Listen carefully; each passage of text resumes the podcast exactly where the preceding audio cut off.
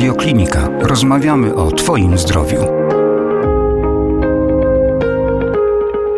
Z mikrofonem Radiokliniki gościmy dzisiaj w gabinecie pani profesor Ireny Waleckiej, kierownika Kliniki Dermatologii Centralnego Szpitala Klinicznego MSWiA w Warszawie.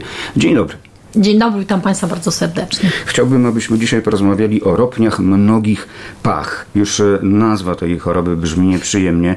E, zapewne wrażenia wizualne też e, nie są lepsze. Dlaczego ropnie mnogie i co sprawia tę mnogość? To jest przede wszystkim choroba, która dotyczy mieszków włosowych i gruczołów łojowych. Gruczoły tak naprawdę są zajęte wtórnie z powodu masywnego odczynu zapalnego i niestety, ale zajęte jest wiele mieszków, w związku z czym stąd odpowiedź dlaczego mnogie. De facto choroba zaczyna się z reguły jedną zmianą, która tak naprawdę diagnozowana jest czy przez dermatologa, czy przez lekarza pierwszego kontaktu, albo jako ropień, albo jako czyrak, czasami jest nacinana przez chirurga.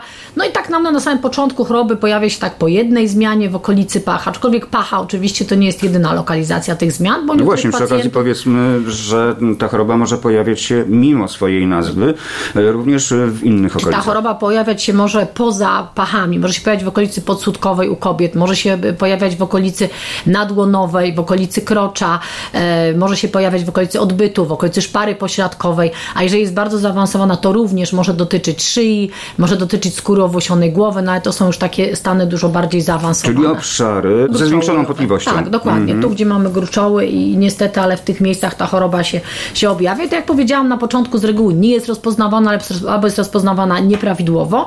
W związku z czym ci pacjenci, zanim tak naprawdę trafią do prawidłowej opieki lekarskiej, to mija kilka lat, no a choroba powoli, powoli się rozwija. Oczywiście no, dając różnego rodzaju, niestety, ale już zmiany, które są nieodwracalne, dlatego że w efekcie właśnie... Tak, stan zapalny mieszków włosowych może się przerodzić w coś poważniejszego. Tak, no oczywiście, no przeradza się, że jest duży odczyn zapalny, robi się duży guz zapalny, ten guz zapalny z reguły jest nacinany i niestety, ale liczba tych, tych duża, mnogich guzów powoduje to, że gojenie się tego guza powoduje wciąganie, bliznowacenie, e, nawet czasami jest e, taka sytuacja, że pacjenci mają tak dużo tych zmian pod pachą, że mają ograniczoną ruchomość pach, czyli nie mogą podnieść pach.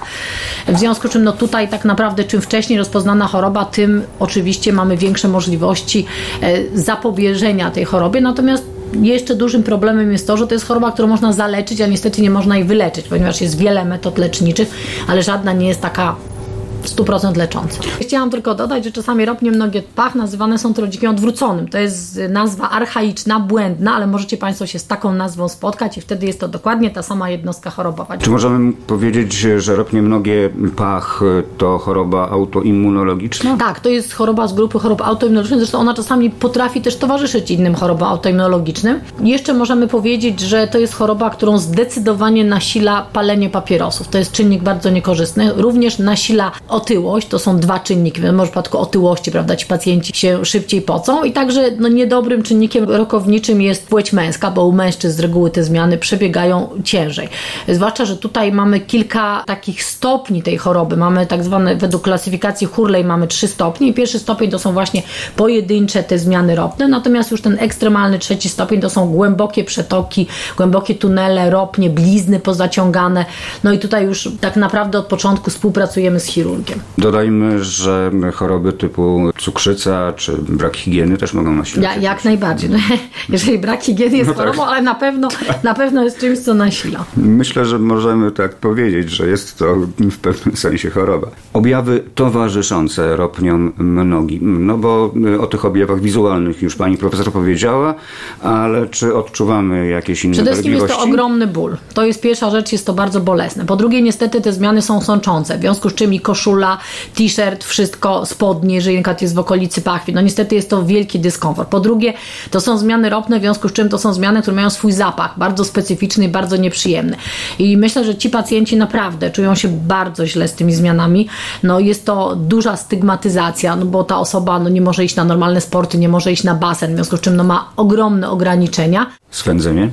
Nie, raczej ból, pieczenie, no tego typu objawy. Przejdźmy do diagnostyki. Czy metody wizualne wystarczą, aby stwierdzić Znaczy, obecność ropni? Generalnie, jeżeli zmiany są bardziej zaawansowane, no to praktycznie no, wprawny dermatolog, wprawnym okiem czy lekarz pierwszego kontaktu nie ma problemu z rozpoznaniem. Natomiast faktycznie, że jest to pojedyncza zmiana, no to z reguły najpierw zbadany jest ropień, no bo też trudno z powodu jednej zmiany pod pachą no, od razu kogoś zakwalifikować jako, prawda, jako te akne inversa, czy różne nazwy ma. Ale w niektórych przypadkach stosuje się badania bakteriologiczne, na przykład, żeby wykluczyć Tak, ale to jest inne choroby. Tylko Mhm. zawsze pamiętajmy, że na, na skórze y, saprofituje kilka czy kilkanaście bakterii. I z reguły, jak mamy stan zapalny, to te bakterie z przyjemnością dołączają do tego stanu zapalnego, ale one nie są tutaj czynnikiem prowokującym. One są tylko czynnikiem nasilającym, czy takim uzupełniającym.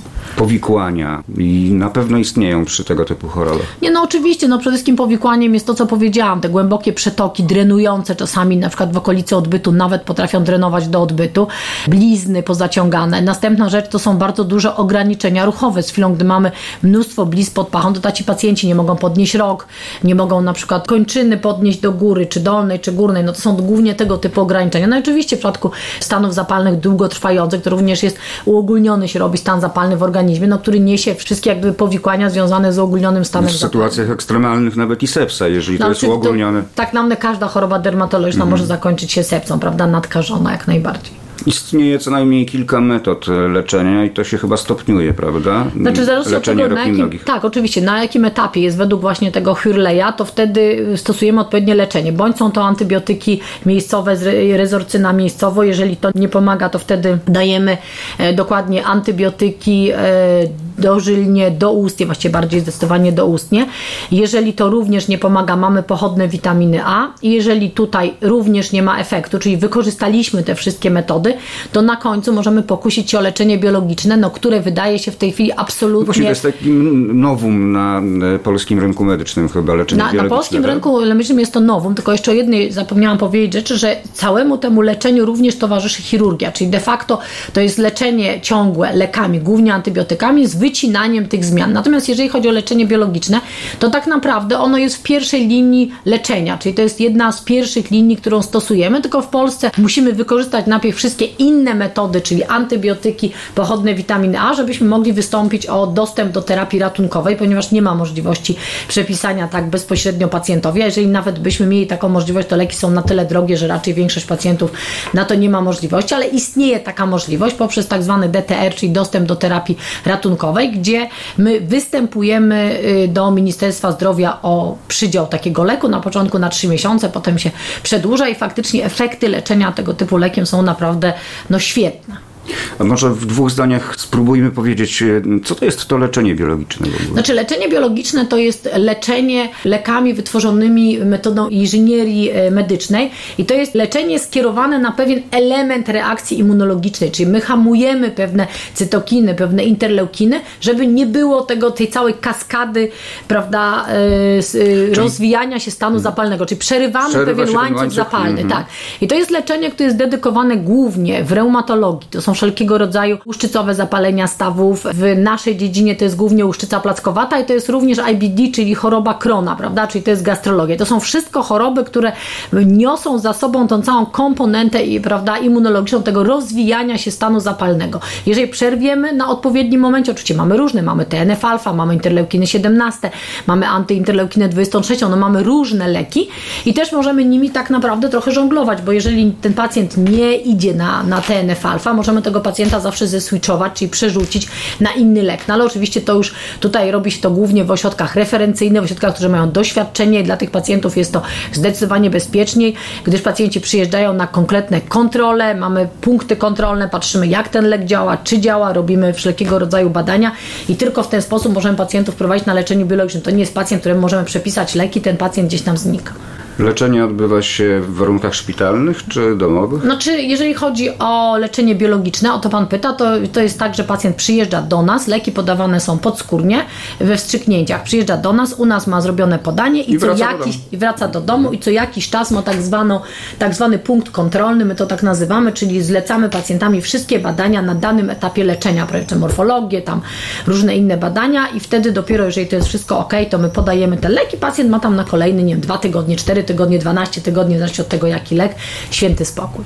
Czyli leczenie biologiczne możemy potraktować jako pozytywnie jawiącą się przyszłość w leczeniu ropni Znaczy ja myślę, że to jest w ogóle, że to jest w ogóle, panie redaktorze, w tej chwili absolutna przyszłość, bo leczenie biologiczne y, to jest używane nie tylko w naszych chorobach zapalnych, ale również w onkologii, w hematologii, więc myślę, że to jest w ogóle no, coś takiego, co gdzieś tam no, jakaś iskierka w tunelu, że no, część chorób, która do tej pory była nieuleczalna, bądź powodowała bardzo duże ograniczenia, a wręcz ogromne kalectwo, inwalidztwo, no jesteśmy w stanie zatrzymać, dlatego że jeszcze do niedawna praktycznie pacjent, który zaczynał rozwijać ZZSK, czyli zesztywniające zapalenie stawów kręgosłupa w wieku lat 60 był absolutnym kaleką, który jak przychodził do lekarza, to żeby przeczytać numer na drzwiach, to musiał brać lusterko, ponieważ był zgięty zupełnie w pół. No w tej chwili wydaje się, że właśnie leczenie biologiczne jest w stanie może nie cofnąć, ale zatrzymać pewien proces, prawda? To już jest dla tych pacjentów no, ogromna zmiana jakościowa w życiu. I tym pozytywnym akcentem zakończymy naszą rozmowę. Rozmawialiśmy o ropniach mnogich pach,